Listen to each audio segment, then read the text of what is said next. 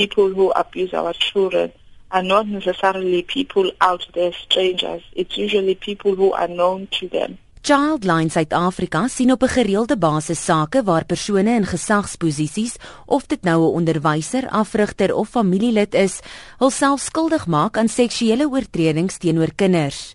Die nasionale uitvoerende beampte, Dumisile Nala, sê boonop dat die oortreder dikwels nie 'n vreemdeling vir die kind is nie en gewoonlik 'n persoon is wat die kind vertrou. Do see cases where people who are in positions of power or who play a significant role in children's lives, we see them misusing that position or that level of authority and abuse children. And it's very difficult for young people then to find it easy to disclose because those people are usually also hold a very high position within the family network. So parents also hold them in high esteem. Parents and children, they look up to those people. So they actually have a very privileged position within the child's life, also the extended family. Alhoewel elke oortreder se modus operandi verskil, is daar tog raakpunte. They are able to identify children. They spend a lot of time with children so they know that this child has this particular need be it emotional needs, so they try and meet that need and be close to the child and be supportive of the child. And then after a while, they start doing things that seem not actually fine or right for the child. But in most cases, by the time they really are involved in abusive situations, it's very confusing for the child. And they are also not very sure as to what does this mean? Why is this person doing this to me? Die stereotipe van 'n grillerige man wat jonk kinders teiken, is in meeste gevalle nie toepaslik nie, verduidelik Nala.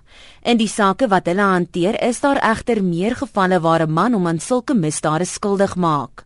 Well, in terms of our work, we see that abuse comes mainly from men, but there are also women who are abusive, be it sexual abuse towards children.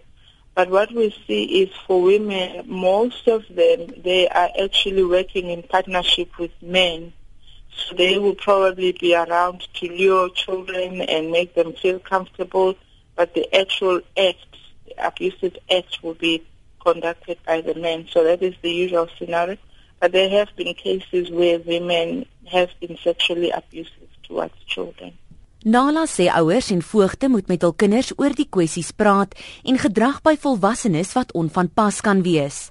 Sy sê 'n goeie en oop verhouding met jou kind is van uiterste belang, juis om klein veranderinge in hul gedrag te kan opmerk wat moontlik op mishandeling kan dui. We must be able to talk to children about their bodies and the parts that people are not supposed to touch.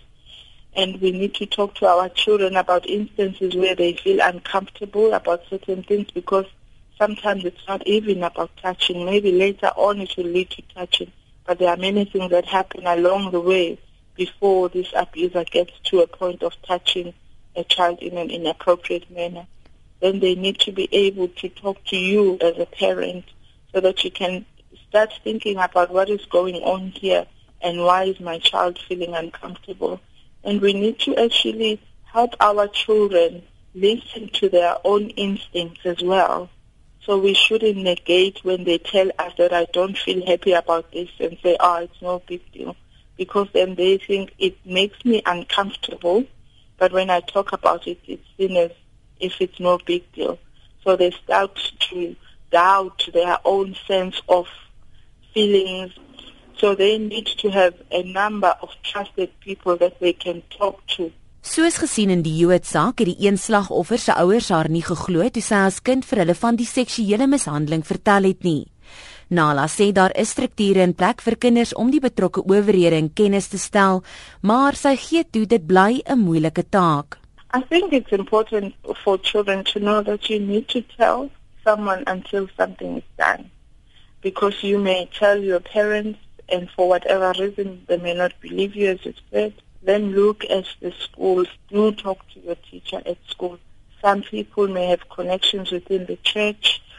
They must go to their social workers or even their local police stations to report that something has happened to them, even to a point of phoning Childline, because Childline may be very far from where you live, but they will help you as a young person to think about who in my nearest uh, support structure or in my community I can talk to. Even though there are these various support systems in place, it is still very difficult for children to get their story out. It is difficult, but we should encourage our young people to continue because once you stop, then it's almost like nothing then will happen. But it's also about when she has told someone and nothing happens. For example, let's say you tell your parents or you speak to your school teacher, they don't do something. There are agencies like Childline where you can phone and say, I have spoken to this person and they didn't help me or they didn't take this matter forward. Particularly when it comes to sexual abuse cases because we, as adults, we have the legal obligation to do something when a child has told us. So in that sense, we also need to hold those adults accountable. 'n Navorser by die Universiteit van die Witwatersrand, Lisa Vetten, beamoed dit. These kinds of cases really do underline how difficult it is for children to come forward and talk about sexual abuse, that many still wait until they're adults to be taken seriously. And even when they are adults, they may still not be believed. So I think what is really important with this case is that we continue to think about how do we ensure that there are good services and good support in place so that we do not continue to have generations of children who are silent and live with the consequences of abuse for very many years before they can finally obtain some kind of justice. Die Joodsaak en soortgelyke sake in Suid-Afrika is nie uniek nie. Wêreldwyd is daar oor die jare heen bekende name gekoppel aan die seksuele mishandeling van kinders. Die Britse glam rock sanger Gary Glitter het in Februarie vanjaar 16 jaar tronkstraf gekry na hy skuldig bevind is aan 'n reeks aanklagte wat verband hou met die seksuele mishandeling van kinders. Die 70-jarige het al die aanklagte ontken wat glo uit voorvalle sedert die 1970 spruit. 'n Ondersoek na aantuigings teen die Britse vermaaklikheidspersoonlikheid Jimmy Savile gaan nog voort met minstens 60 aantuigings van verkrachting of aanranding teen hom.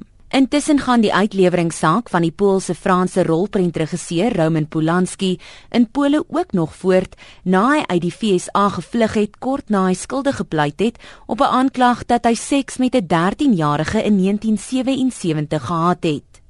Ek is Melissa Tuggie in Johannesburg.